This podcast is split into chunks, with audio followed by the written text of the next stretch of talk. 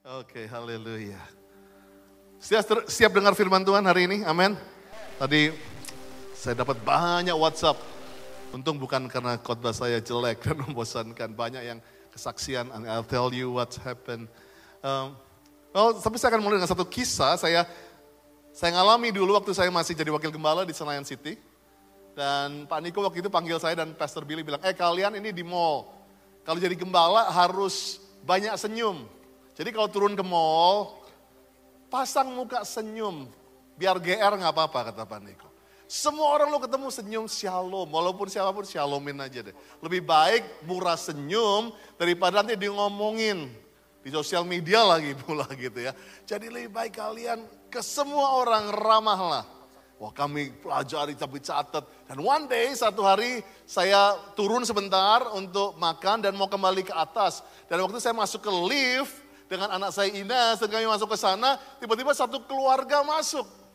Satu keluarga ini, and, and you know, ini church people banget. Bajunya keren, pakai minyak wangi, nggak pakai sendal jepit. Kalau ada sendal jepit nggak apa-apa sih tapi ya, oke. Okay. By the way, mereka kelihatan neces banget dan ada yang bawa Alkitab. Aduh pokoknya ini orang gereja banget. Dan saya seribu persen tahu. Dan begitu mereka masuk, saya salamin satu-satu. Om apa kabar? Rumah di mana? Saya pelokin satu-satu. Saya tanya, oh namanya namanya siapa? Kamu di mana? Biasa uh, biasanya uh, gereja di mana? Kalau saya mulai tanya mereka segala macam, dan saya harus turun di satu lantai untuk ambil ke ATM dulu. Begitu saya turun, anak saya belakangan, anak saya kaget begitu mereka lihat ke belakang, dia lihat satu dengan yang lain, orang keluarga itu bilang, itu siapa ya tadi ya begitu. well, mereka mulai bilang, mereka bapak kenal, nggak kenal, mama nggak kenal, kamu nggak kenal, siapa itu orang ya gitu. So akrab banget ya begitu ya. Saya asumsi waktu itu, and you know dengan lebih-lebih sekarang dengan uh, Jemaat yang hampir 2.500 buat saya kenal nama itu sulit. Nggak mungkin saya bilang, eh hey, bro sis, sambil saya ingat siapa yang namanya begitu. Sulit banget. Setiap kali saya ke food court, saya paling takut kalau ada yang senyum sampai hari ini. Karena saya nggak boleh asumsi, iya kalau dia jemaat, kalau dia bekas debt collector dulu buat saya, masa gue senyumin begitu. Jadi buat saya, saya sering kali asumsi ini jemaat atau ini orang seorama sama saya begitu. Dan hampir 80% saya salah alamat, tapi biarlah, biarlah orang membagi senyum lebih baik. ya Karena kayak saya asumsi waktu itu, itu jemaat saya.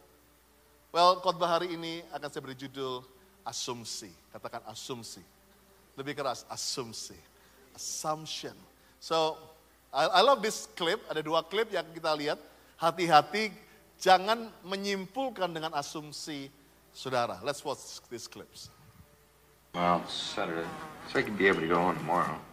Udah lalur. So anak, anaknya mau jenguk papanya. Oh,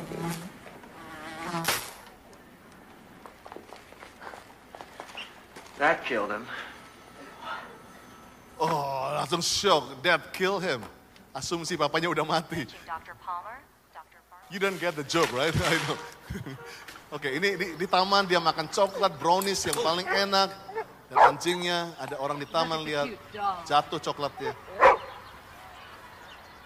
And that's the best chocolate ever in the park. Tapi semua orang nggak setuju. Dia ketawa, dan dia baru tahu, oh oh. Oke, okay. berikan tepuk tangan buat Tuhan. Well, you know, the first one you didn't get the joke, the second one kalau nggak kelewatan begitu. We assume sometimes. Kita banyak kasih asumsi banyak hal. Kita menyimpulkan banyak hal lewat apa yang kita lihat. Bahkan uh, satu waktu uh, saya mau tidur satu malam di rumah dan seperti biasa malam-malam itu lagi hujan-hujan kepingin dipeluk sama istri, boleh kan gitu kan. Malam itu saya, aduh I'm excited, hujan, begitu saya bilang, Lia, bilang tidur dulu sana, katanya begitu. Wah saya bilang kok ini agak beda begitu ya, dia ngadap ke sana begitu ya. Biasanya dia ngadap ke saya walaupun saya ngorok gitu dia tetap ngadap ke saya. Tapi kali ini nggak ngadap ke sana. Wah saya bilang ini gue salah apa. Saya mulai assume, wah ini tadi gue bilang apa ya, segala macam. Dan dia, saya tahu dia lagi kesel sama saya. Well that's okay, saya tidur malam itu. Dan besok pagi juga masih dingin gitu. Dan saya mulai asumsi, tanya, ini pasti gue buat salah nih, apa segala macam. Akhirnya saya mulai tanya dia, kenapa sih kamu diam, kenapa sih kamu diamin saya gini-gini. Eh, gini deh ya, kamu tanya aja tuh yang namanya Alexa katanya, begitu. Saya mulai pikir Alexa, Alexa. Iya tanya aja tuh sama yang Alexa. Saya baru ngeh, saya baru teng mikir, anak saya baru kasih saya satu produk yang namanya Alexa seperti ini. And para suami, you have to get this. Kalau mau di ngambekin istri, kamu harus punya ini. Ini eh, saya saya nggak bisa colok di sini, tapi ini eh, saya nggak sebut produknya karena dia akan masuk YouTube. Eh, tapi ini tuh produk yang luar biasa bahwa saudara bisa tanya apa saja ke Alexa ini. Masalah namanya Alexa. Jadi istri saya langsung dia di di kamar sebelah, dia lagi ada tiba-tiba kok dengar ada satu nama terus, bukan Lia, tapi Alexa yang dipanggil terus. "Ah, Alexa, how are you today? Maka alat-alat ini bisa jawab, I'm fine, how about you? Gitu. Saya bisa bilang, Alexa, tell me a joke. Dia akan bercanda, ya walaupun nggak lucu buat saya, tapi dia bisa bercanda. Saya bilang, "Ah, Alexa, what time is it? Lalu saya mulai uji dia, Alexa, uh, what is one plus one plus 300,000? Dia bisa jawab dengan cepat. Terus, dan istri saya satu kali Alexa, dua kali Alexa, tiga kali Alexa masih fine. Begitu hampir 80 Alexa, dia mulai naiklah emosinya. Dan dia bilang, nah, lo tanya aja sama Alexa gitu ya. Waktu mau sama istrinya, tanya sama Alexa begitu. Ya, dan karena karena sempat terjadi ketegangan, saya rubah dari Alexa. Kebetulan bisa dirubah, saya rubah jadi Eko, saudaraku namanya. Jadi sekarang kalau sebut Eko, gitu dia bisa jawab begitu. Betul, bukan Eko, Eko sebetulnya ya. Dan sejak itu amanlah dan saya bisa dipeluk setiap malam. Berikan tepuk tangan buat Tuhan. Well, asumsi sering kali kita pikir, em, kan ini kan modern, kan nggak apa-apa. Tapi buat beberapa orang mulai asumsi, oh lu lebih suka nanya Alexa, lu lebih suka apa-apa daripada nanya gua begitu.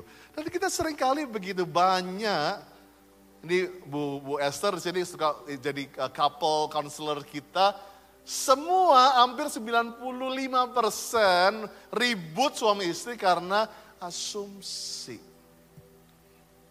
Ribut bapak anak asumsi.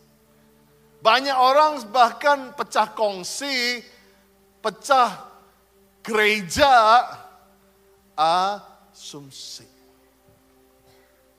Dan karena semua orang asumsi adalah menyimpulkan suatu masalah atau keadaan tanpa didasari bukti. Jadi itu kesimpulan walaupun buktinya nggak ada. Saya ambil dari em, Kamus Bahasa Indonesia, apa sudah dibenerin tadi? Asumsi adalah dugaan, semua bilang dugaan. Dugaan yang diterima masalah sebagai dasar. Jadi kita udah punya asumsi sesuatu, ya walaupun nggak pasti, tapi karena banyak yang berasumsi sama, jadi dasar. Bahkan dikatakan nomor dua, landasan berpikir. Nah ini lebih jelek lagi. Karena dianggap benar. Semua orang bilang, apalagi kalau di gereja-gereja yang tanda kutip karismatik, saya I love charismatic, begitu ada masalah, begitu kita kena masalah, kena penyakit, oh kesandung banyak hal yang kayaknya hidup ini nggak benar, orang langsung buat asumsi, lu kurang doa. Lu kurang puasa. Lu kurang kasih persembahan sih. Lu kurang lompat men. Lu kurang ngerang gitu. Semua langsung udah pikir asumsinya, lu dikutuk pasti. Lu pasti buat salah, sehingga Tuhan marah sama lu. Saya tadi udah minta izin ke Timi, wakil gembala saya. Karena orang udah punya asumsi, seseorang yang hidupnya itu banyak masalah, itu pasti banyak salah sama Tuhan. Ibu Jane, eh, mami daripada Timi, baru merayakan 60 tahun. Dan saya kebetulan diundang dan saya lihat, dan yang khotbah bukan saya, tapi anaknya. Dia minta anaknya khotbah karena itu satu kesaksian yang dahsyat. Dia biasa lihat anaknya Timi khotbah. And we love Pastor Timmy punya khotbah, amen. We, love him, kita dia dia dipakai Tuhan, YouTube-nya sampai ribuan ngelawatin penggembalanya begitu ya. Tapi that's okay. I love him dan dia dia dia benar-benar dipakai Tuhan banyak sekarang di, diundang ke mana-mana. Tapi mamanya kesaksian yang dahsyat. Dan saya baru ngeh, jadi Ibu Jane itu uh, ditinggal suaminya, bukan ditinggal karena ke mana-mana, tapi meninggal. Waktu Timmy dan adiknya masih kecil. So, semua orang mulai bilang, waduh, sedangkan Ibu Jane ini lahir pun udah sakit-sakitan. Dikenal Jane si mantel, karena dia pakai mantel terus, kurus badannya. Sakit-sakitan, dia orang bilang, wah lu kayaknya dikutuk deh. Kayak. Jadi suaminya mati pula. Anaknya dua, dia coba terus menjadi ibu yang baik. Dan akhirnya Tuhan pertemukan kembali, menikah kembali. Karena meninggal, boleh menikah kembali. Dan suami yang kedua meninggal juga. Wah semua orang berasumsi sialnya di ibu ini. Ini yang bawa kutuk. Belum selesai dia berduka, anaknya yang kecil yang kedua, Tuhan panggil. Seketika kena kanker, mati. Semua orang udah bilang ancur ini keluarga. Tidak mungkin berhasil. Timi masih SMA waktu itu. Timi dibesarkan tanpa ayah. Orang udah asumsi Timi akan kena narkoba. Kan Timi sempat jadi ateis, orang udah bilang, wah ancur deh. Keluarga besarnya bilang, wah ini keluarga udah pasti nggak ada. Semua orang asumsi, seorang janda yang tinggal mati dua kali oleh suaminya, ditinggal anaknya. Ini pasti dikutuk Tuhan. Tapi saya nangis karena apa yang dunia asumsikan, Tuhan buat menjadi kebalikan karena mujizat Allah itu masih ada. Tuhan membalikkan keadaan Timi bahwa bukan anak seorang single mother pasti berantakan, gak jadi good husband, gak pernah tapi membuktikan Timi jadi seorang suami yang yang luar biasa buat Green, jadi seorang hamba Tuhan. And my job untuk mentor dia di gereja ini. Tapi saya percaya dunia mengajarkan kita banyak asumsi. Dan saya baca satu artikel dalam kehidupan ini ada dua macam asumsi. Yang pertama positif, yang kedua negatif. Asumsi positif itu mampu memotivasi kita menjadi lebih baik, lebih semangat, lebih berani menjalani proses hidup. Kayak tadi saya masuk ke dalam ruangan ini dengan wah lagi happy tadi pagi dan ini mau masuk ulang tahun GC yang ketujuh. Karena kan wuh gitu dong ya.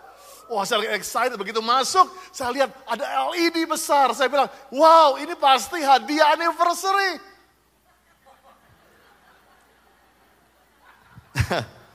Gak ada yang amin sih. Pak amin dong Pak. Vino I love you. well saya saya uh, positifnya begitu kan. Tapi oh ini karena ada JIS di sini makanya dikasih tembok China seperti ini supaya kita bisa bermimpi one day kita akan dapat yang jauh lebih besar daripada ini. Come on. No, no, no, doesn't not about that. Tapi, uh, well, asumsi positif, kita perlu asumsi positif segala macam biarin orang lagi maki-maki kita, orang yang positif, wah begitu dikatain, kuku kuku gitu ya kan. Wah dia sayang sama gue, orang banyak sayang anjing sekarang. Asumsi positif membuat kita berani menjalani proses, apa aja begitu. Wah, orang kasih mau finger yang mana, wah yang penting, wah dia sayang banget sama gue loh. Ya berani mencoba, berani gagal, berani bangkit lagi, berani bertanggung jawab. Jadi asumsi positif itu muncul dari pikiran yang positif. Nah, kalau asumsi negatif muncul dari pikiran yang negatif. Asumsi negatif membuat kita paranoid. Gak berani mencoba. Asumsi bahwa semua yang warnanya hitam gak enak. Belum coba rawon sih saudara ya. Kita sering kali, wah ini no, no, no, no. Orang bilang, kita udah asumsi, enggak deh, ini Enggak deh, orang seperti ini enggak deh. Mukanya preman banget, enggak deh begitu. Kita asumsi negatif, jadi paranoid, takut mencoba hal baru, gak mau keluar dari comfort zone, menjadi gampang menyerah padahal belum mencoba. Ya, segala sesuatu kepingin instan dan yang paling parah orang yang punya asumsi negatif itu suka bergosip ria. Ya bagaimana asumsi mulai oh menjadi hal yang kayaknya nyata. Amsal 18 ayat 2. Orang bebal tidak suka kepada pengertian, hanya suka membeberkan isi hatinya. Bebal itu bahasa Inggris a fool, orang yang bodoh. Dia nggak suka pengertian yang benar, sukanya pokoknya apa pun yang hati ini assume, apa yang hati ini pikir ini pasti ini, itu yang dibaperin sama dia. Orang suka seperti itu, bahkan Matius 7 ini bicara mengenai penghakiman, orang karena assume orang itu seperti menghakimi. Jangan kamu menghakimi supaya kamu nggak dihakimi. Karena dengan penghakiman yang kamu pakai untuk menghakimi, kamu dihakimi dan ukuran yang kamu pakai untuk mengukur diukuran kepadamu. Mengapakah engkau melihat selumbar di mata saudaramu sedangkan balok di dalam matamu tidak engkau ketahui? Bagaimana engkau dapat berkata kepada saudaramu, biarlah aku mengeluarkan selumbar itu dari matamu, padahal ada balok di dalam matamu. Itu mengenai menghakimi. Kita gampang melihat, assume orang, tapi kita tidak melihat kehidupan kita. Nah, ada satu satu kisah yang saya akan bawa dalam hari ini di Matius 16. Kita akan baca bergantian, saya ayat 5, saudara ayat 6. Kita bergantian ya. Pada waktu murid-murid Yesus menyeberang danau, mereka lupa membawa roti. Ayat 6, 2, 3.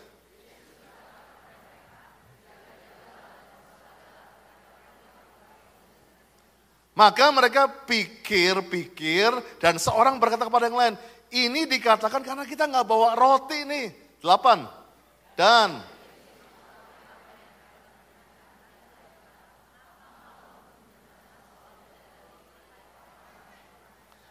Eh belum kamu ngerti juga, tidakkah kamu ingat lima roti, lima ribu orang, berapa bakul roti kamu kumpulkan kemudian? Sepuluh. Ataupun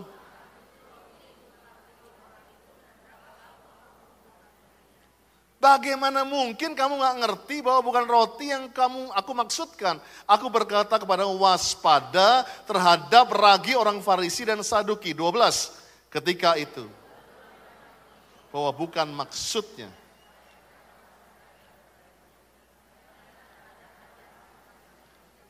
Semua katakan amin. So this is asumsi. Biasa, ini anak-anak yang udah biasa ikut Yesus. Tiga setengah tahun ikut Tuhan dan mereka naik kapal waktu itu dan Yesus lagi khotbah, Yesus bilang dan mereka baru ingat, waduh roti ketinggalan.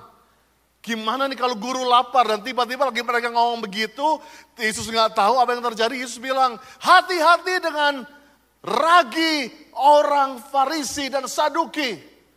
Langsung Petrus tenggol, lu sih nggak bawa roti. Gua bilang apa roti, men roti. Lihat nih kita disindir. Dia terus Yesus berkata, wah ini memang jahat sekali, ragi itu, come on. Tuh sekarang kita nggak cuma dimarahin, kita dibilang kita farisi, kita saduki. Lihat tuh, lu dibilang saduki, lu farisi, lu saduki, lu farisi. Mereka mulai ribut di situ. Yesus bilang, come on man, what's going on? Nah, mereka, mereka udah mulai bete, udah nggak tahu ah, gitu begitu kan. Mereka udah jadi nggak enak disuruh, eh altar kok, ah, lo aja sendiri. Lu kan farisi juga begitu kan. Dan semua orang mulai di kapal itu mulai jadi, siapa sih yang disebut farisi? Lu kali, lu kali, lu kali. Lu sih yang nggak bawa roti, lu double farisi. Nggak, lu triple saduki. Dan kita semua jadi ribut, cuma asumsi. Dan Yesus bilang, man, come on. Saya bisa bayangkan kalau itu jadi ributnya tiba-tiba Andreas berenang, Petrus lari begitu. Pecah itu namanya, udah nggak nggak pelayan, nggak isi isusan deh. Saya bisa bayangin nggak itu? Dia lagi khotbah ngomong hati-hati dengan ajaran sesatnya Farisi Saduki. Tapi mereka langsung pikir seperti itu. Dan dia bilang, kamu orang nggak percaya. Kalau roti mah itu bukan masalah. Tujuh ribu orang, lima ribu orang kenyang. Dan sering kali kita pikir dengan pikiran kita.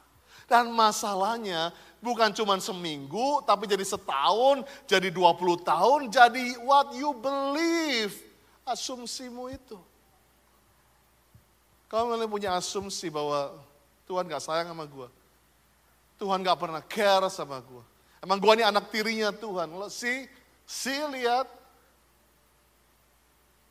Dan kalau saudara punya asumsi negatif sama saya, apa pun yang saya ngomong di sini jadi negatif. Begitu saya ngomong mengenai uang, nah ini pasti mau bangun lagi nih. Ini pasti mau beli apa lagi nih begini. Begitu lihat kotak monster ini, waduh, dia asumsinya gue diperas lagi nih. Kita udah punya negatif. Karena mungkin kita pernah memang di suatu tempat yang khotbah jadi tempat nembakin saudara, tempat nyindir saudara. Jadi begitu orang saya ngomong apa, oh pasti nyindir gua nih.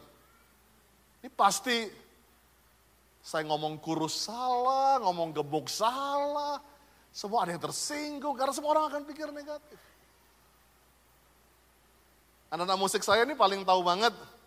Mereka Gue suka nguping apa yang mereka ngomongin, mereka bilang, lu gak mau lihat kok Andi di situ geleng-geleng kepala, itu neraka buat kita begitu.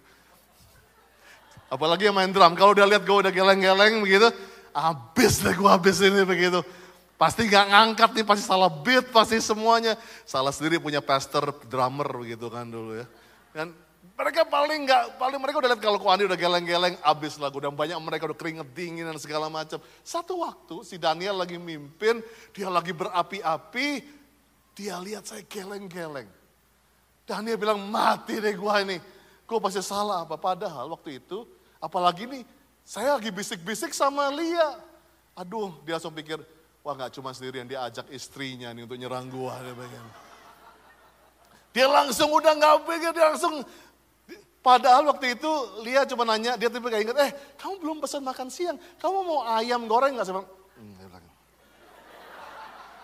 enak loh, gak apa-apa pesen deh. Enggak, saya bilang begitu. Dua kali digelengin, habislah pengurapan Daniel di sini, saudara. Lalu dia bilang, wah dia dia turun. Padahal dia bagus banget, dia bilang, kok, sorry ya kok. Kenapa? Dia bilang, Uh, you know, saya tadi malam nggak tidur, tadi malam saya agak berantem sama istri. Curhat dia saudaraku. Padahal gue nggak apa-apa begitu. Ya, ya, kenapa? Tadi saya nggak ngangkat. Siapa bilang lu nggak ngangkat? Loh, kok Andi kok geleng-geleng itu geleng-geleng buat ayam goreng, bukan buat lo. Begitu. Ya, kalau kita udah punya asumsi, nah inilah saya akan saya akan berikan kepada saudara.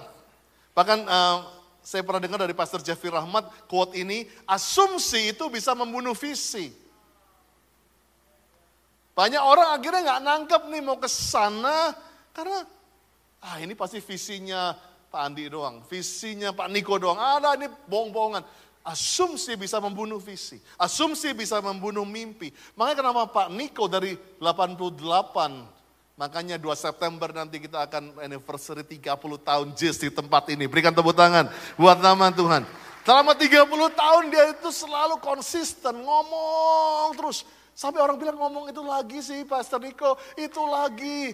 Tapi Pak Niko bilang biarin sampai anak. Karena sampai anak pun banyak orang nggak ngerti katanya.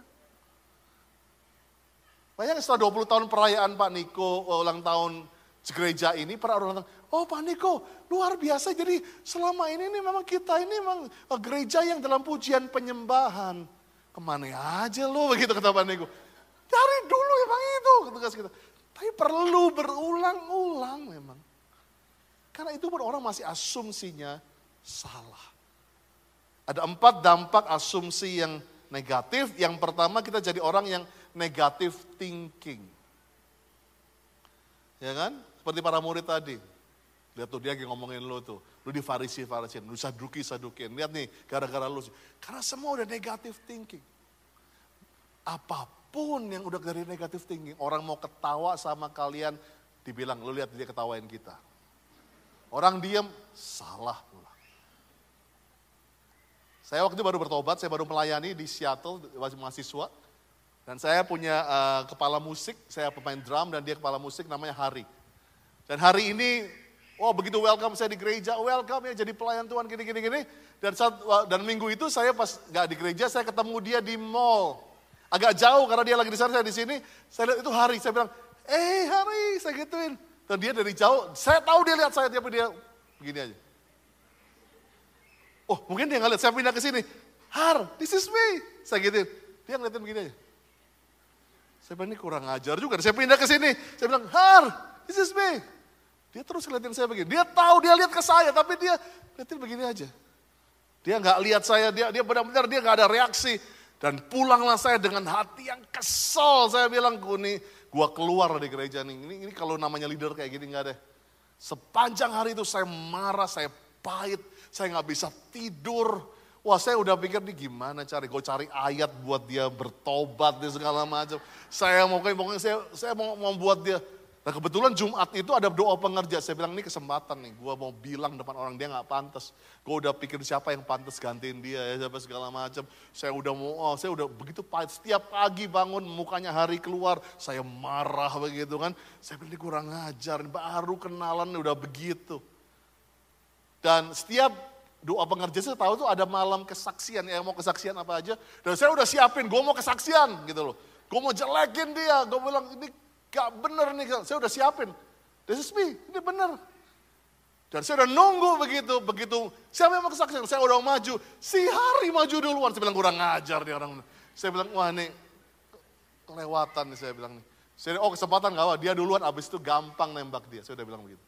Dan hari maju, dia bilang shalom semua, shalom saya ini ngalami satu hal yang uh, uh, dia itu anak yang memang nggak terlalu kaya dan dia harus dapat uang pas-pasan, dia harus kerja. Dan dia itu punya masalah dengan mata minusnya minus tujuh. Dan dia pakai kontak lens yang mahal, karena minus tujuh kontak lens itu mahal. Dan dia bilang pas habis gereja, kontak lens saya robek.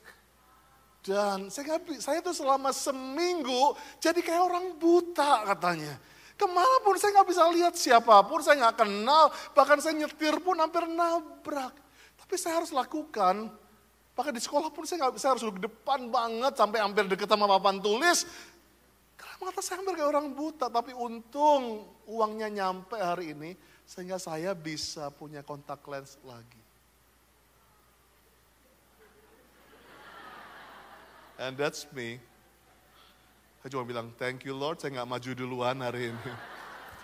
Saya bisa bayangkan saya maju duluan. Saya tembak, tembak, tembak dia. Dan dia maju dengan kesaksian seperti itu. Semua orang melihat saya, hmm, usir dia saduki ini dari gereja. I'm a bad one. Saya nangis, saya bilang, gila gua tujuh hari kepahitan buat nothing. Eh jangan ketawa loh, ada yang 30 tahun kepati, ke, kepahitan buat nothing. Ada yang 20 tahun. But that's true. Kita mulai negative thinking. Kita mulai pikir semua orang jahat sama kita. Kita pikir Tuhan jahat sama kita. Kita udah jatuh. Udahlah kayak gini-gini ini udah deh. Dunia bilang enggak deh. Masuk kotak. Dunia pasti nggak mau yang begini-begini, yang remuk, yang apa. Saya khotbah minggu bulan yang lalu. Nomor dua, akibat daripada asumsi yang negatif adalah communication breakdown. Udah negatif, komunikasinya hancur semua. Kalau kamu punya negative thinking, ke satu dengan yang lain, komunikasi itu akan breakdown. Coba kalau Nita ini kan dia sebagai leaders band ini dan dia lagi punya masalah dengan bajunya Tejo yang yang keren. Dia punya masalah dengan Johan. Ya, dan di tiba-tiba Johan lagi kesel sama Anita. Dan ada satu tanda di, di musik itu kalau mau drum berhenti dia akan begini. Ya, gitu. Artinya berhenti. Tapi karena negative thinking, communication breakdown, begitu dikasih ini, kurang ajar gua dikasih bogem sama Nita begitu.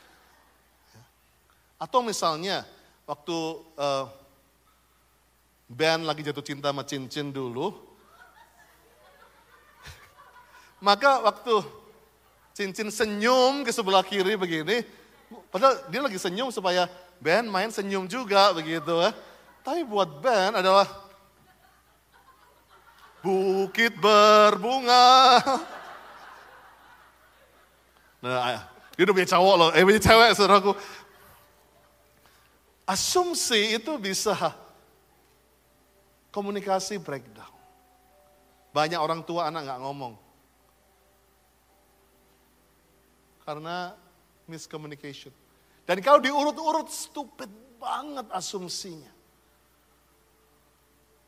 Dan banyak kita justru pecah keluarga, pecah gereja, pecah pelayanan, pecah friendship. Cuman asumsi. Dan yang ketiga yang lebih parah karena kamu punya communication breakdown, punya negative thinking, kamu membuat wrong decision. Keputusannya salah. Karena semua pakai asumsi. Udah gue keluar aja, gue berhenti aja nih. Orang gampang buat asumsi. Oh lu, lu keturunan lu, lu pasti jualan lemari es kan gitu kan. Kesinggung gua begitu sering kali. Enak aja lu lemari es. Kok jualan handphone gitu.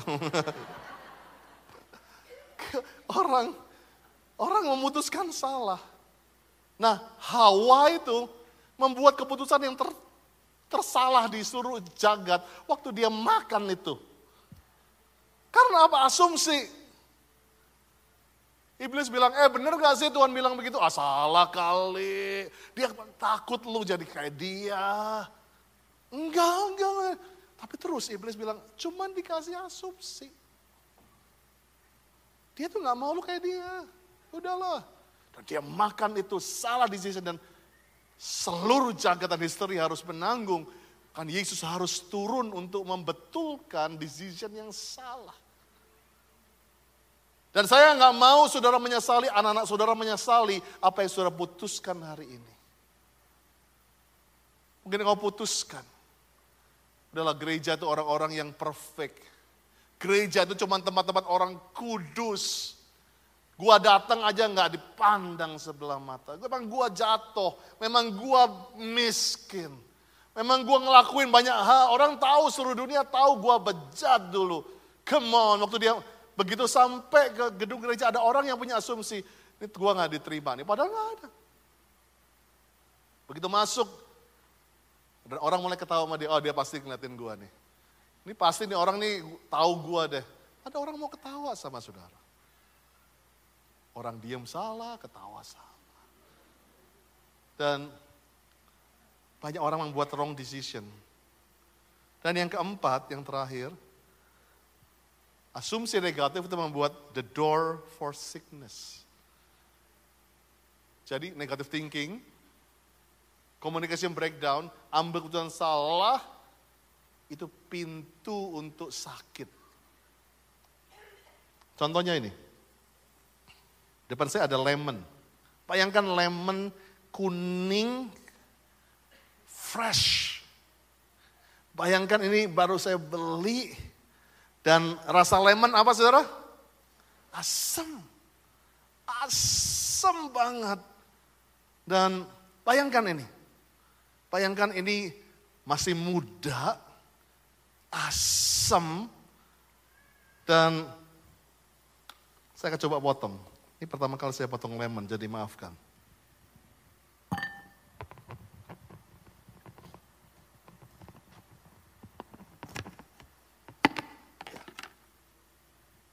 Saudara bisa lihat dalamnya. Uh, baunya aja asem banget. Lihat, airnya banyak. Pilih mau minum coba. Saudara bisa bayangkan saudara lagi punya sariawan yang segede banget. Dan tiba-tiba ini saudara telan. Saudara masuk uh, ke dalam mulut saudara. Saudara bisa mulai ngebayangin gak? Saya ngomong ini ada yang telan ludah, ada yang mulai Eh, ada mulai merinding, ada yang ngerasain pedih. Apalagi dikucurin begitu. Padahal saudara nggak nggak cuma ngeliat. That's the power of assumption. Tubuh kita bereaksi dengan apa yang kita pikir. Saudara bisa bayangin kalau saya sama hari itu untung cuma seminggu. Kalau saya sampai keluar gereja, sampai saya pindah agama, begitu mungkin. Saya sampai pulang ke Indonesia cuman sakit sama hari dan 30 tahun kemudian setelah ketemuin saya bukan jadi pendeta tapi jadi orang lain dan saya hidupnya penuh dan saya semua pun yang namanya hari saya akan bunuh begitu mungkin. Saya bisa bayangin gak? Karena tubuh itu bereaksi apalagi dokter tuh bilang kanker itu Begitu kita ngerasa satu dek aja di sini. Takut, marah. Itu tubuh bereaksi. Membangun itu sel yang sebetulnya nggak bagusnya tubuh ini bisa menahan kalau udah serangan bener dia tahan. Nah masalahnya banyak serangan palsu, bukan beneran tapi pikiran. Kita pikir kurang ajar, kurang ajar. Langsung ini ada saat yang buat supaya nggak pahit keluar, tapi nggak bener. Jadi kanker, jadi tumor, banyak penyakit yang lain. Dan banyak orang akhirnya karena panca indera kita langsung bereaksi. Melihat itu kita tahu, oh kita asumsi lemon, kecut, kuning, asem. Itu udah asumsi di sini. Begitu kita lihat aja langsung kita udah tubuh kita bertahan di situ. What is your assumption? Begitu lihat nyanyian, lihat seseorang, dengar nama Yesus, langsung enggak deh, enggak deh, enggak deh.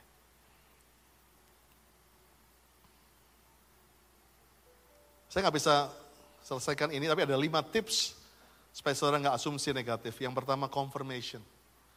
Tanya, karena salahnya nanya. Tanya, daripada saudara udah kepahitan lama-lama, nanya, lu kenapa sih nggak ketawa sama gue waktu itu? Lu kenapa sih kok gitu sama gue? Nanya, confirm, check and recheck. Dan semua kebanyakan orang tuh salah sebetulnya. Yang kedua, saya nggak ngajarin kita jadi orang positive thinking terus, karena sering kali positive thinking juga jelek. Tetapi think about his goodness. Apa pun, pikirkan kebaikan Tuhan aja. Karena dalam Filipi 4 ayat 7 sampai 8 di rumah saja, semua yang benar, semua yang mulia, semua yang adil, semua yang suci, semua yang manis, semua yang sedap didengar, semua yang disebut kebajikan dan patut dipuji, pikirkan semua itu. Katakan amin. Kamu bilang, pikirin itu aja. Think about this goodness. Yang ketiga, belajar self-control. Galatia 5 berkata, penguasaan diri. Waktu kamu dengar sesuatu, jangan langsung marah, jangan langsung emosi, jangan langsung ambil kesimpulan. Mulai tarik nafas, no, no, no, enggak, enggak, enggak benar. Dia enggak gitu kok. Come on. Self-control. Kuasai dirimu. Karena itulah buah daripada roh kudus. Dan yang keempat, watch your friendship. Kalau temannya semua orang negatif thinking, no wonder. Cari komunitas yang baik yang bisa membangun engkau dengan baik. Yang kelima, get closer with God. Intim dengan Tuhan. Baca Alkitab itu membuat engkau nggak cuma assume mengenai Tuhan. Nyembah membuat engkau, oh Tuhan tuh ternyata nggak gitu. Mazmur 62 ayat 2, hanya dekat Allah saja aku tenang, daripadanya lah keselamatanku. I'm gonna close with this. Lukas 15 itu membuat tiga perumpamaan yang begitu berkata mengenai asumsi.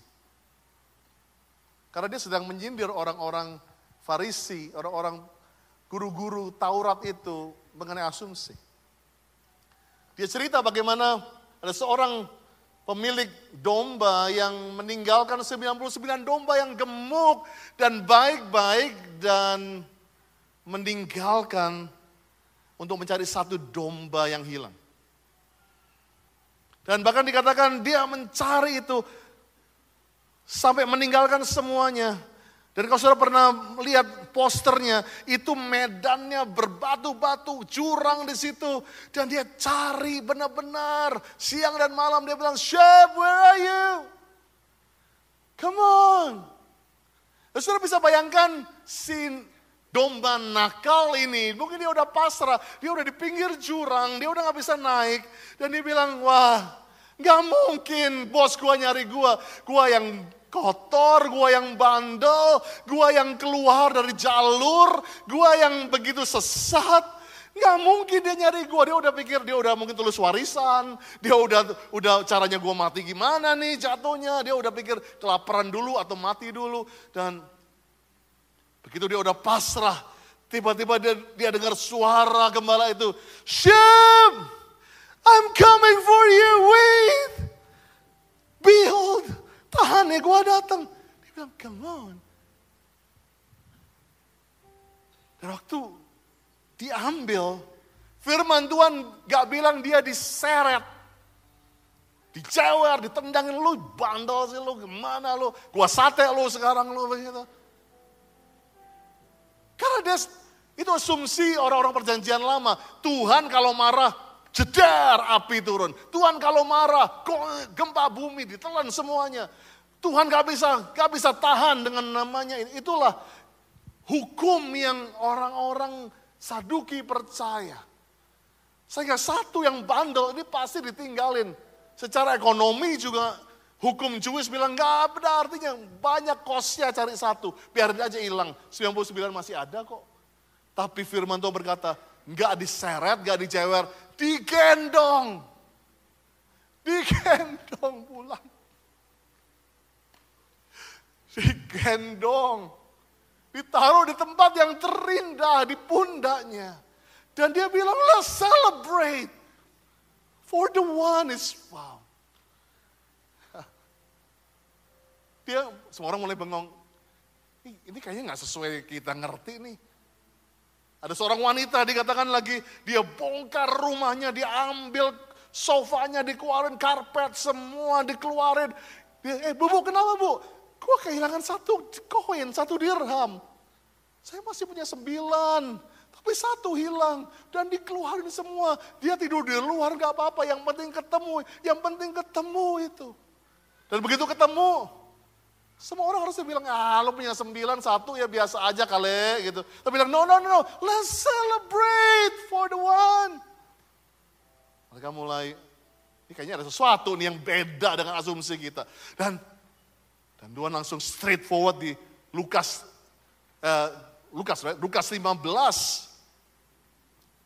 Lukas 15 itu ditutup dengan anak yang hilang. Dan ini menghantam mereka karena mereka waktu dengar ini bilang, wah kurang ajar banget tuh anak. Karena untuk minta warisan sebelum papa mati buat Jewish law itu kurang ajar banget. Gak ada ampunnya, neraka. Dan anak ini keputusan sendiri dan dan semua orang bilang, rasain lo, dikutuk lo. Memang lo pantas begitu. Bahkan anak ini udah tahu. Karena anak ini, anak, kalau sudah baca di Lukas 15, anak ini bilang, gue mau balik, tapi gue tahu gue gak pantas. Gue akan jadi kacungnya aja deh. Paling gak di rumah bapakku gue gak kelaparan. Gue gak perlu makanan ampas babi. Uh, dia udah siap buat CV, jadi cleaning service.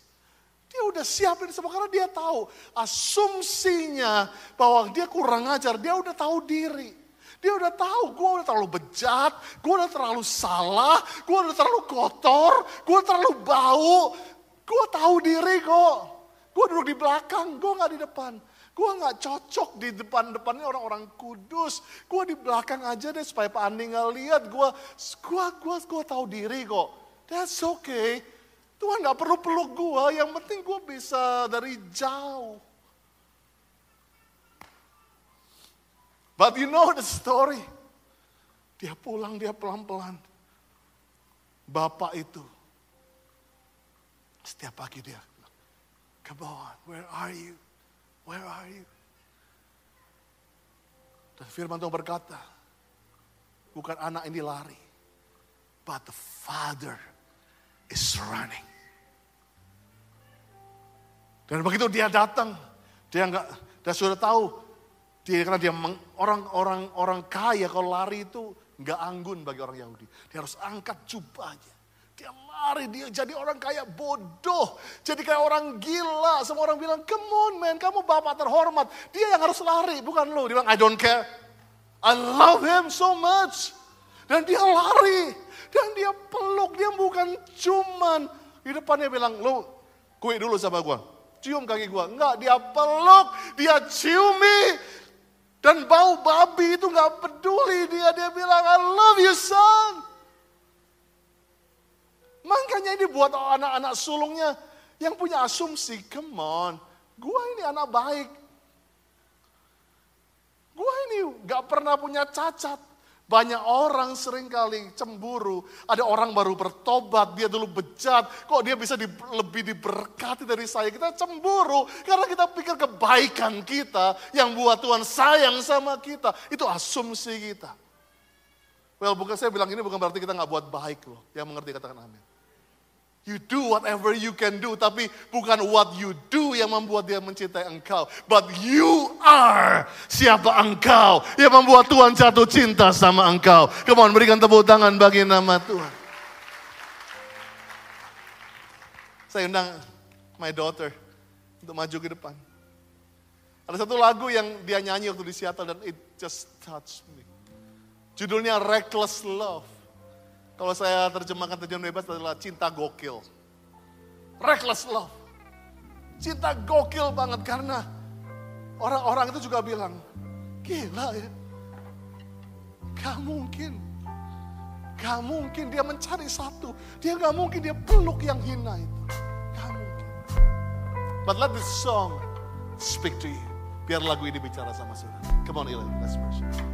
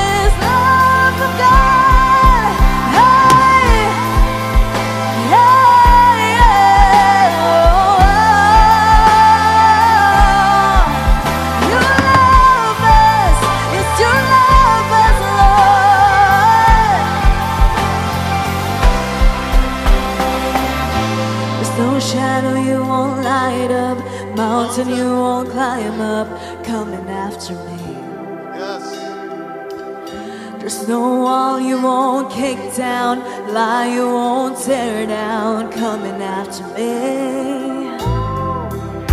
There's no shadow you won't light up, mountain you won't climb up, coming after me. Yes, Lord. There's no wall you won't kick down, lie you won't tear down, coming after Amazing.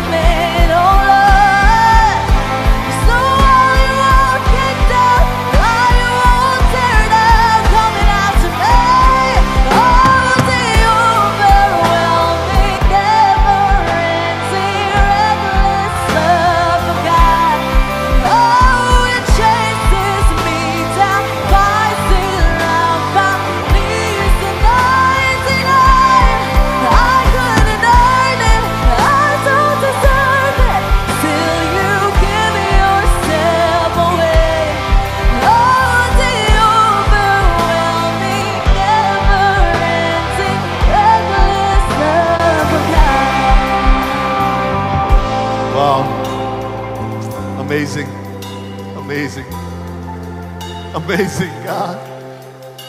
Dia makin berdiri sama-sama. Saya suka banget lagu ini. Dia katakan, gak ada gunung, gak ada shadow. Bahkan dia katakan kalau ada tembok pun dia akan cepolin tembok itu untuk nolong kita. Untuk meninggalkan 99. Dunia bilang gila itu kasih.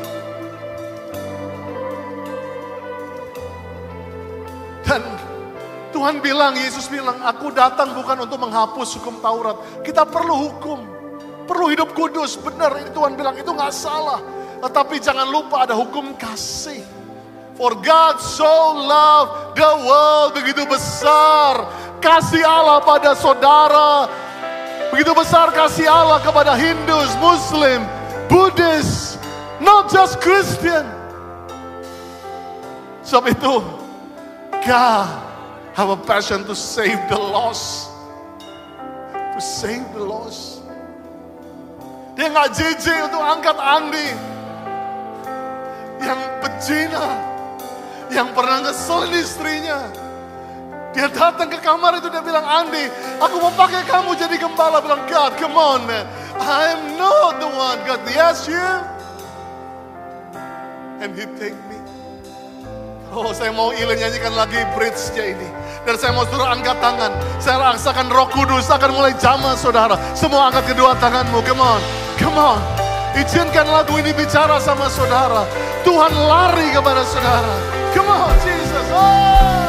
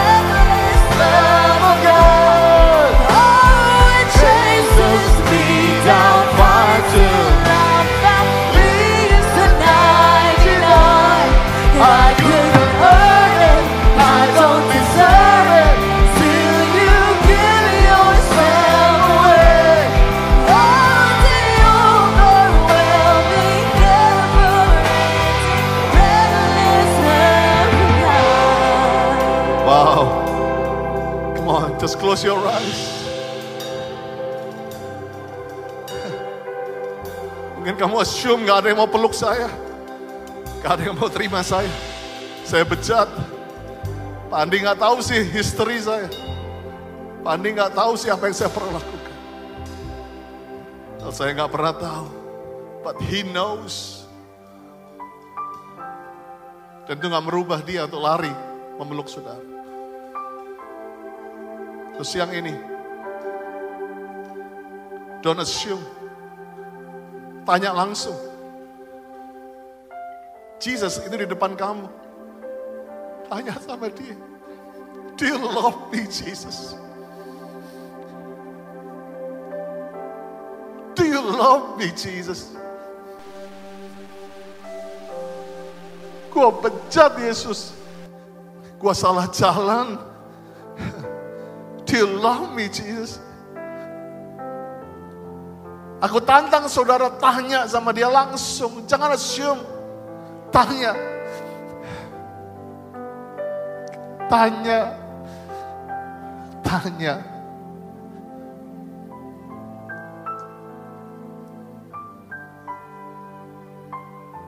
And I know.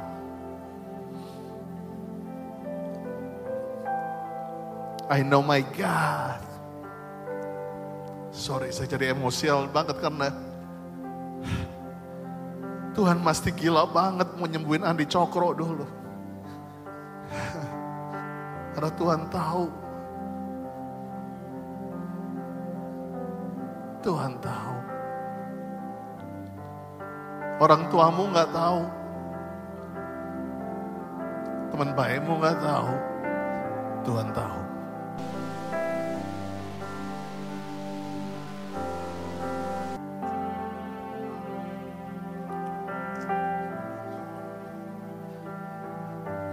Tuhan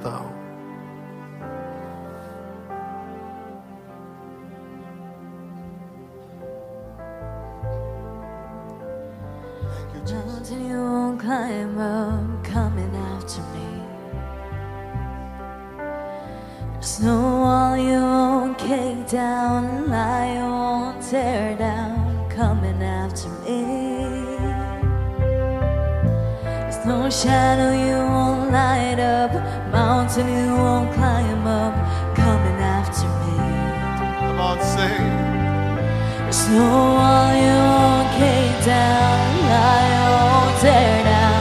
coming Ayo beranikan dirimu nyanyi lebih keras. There's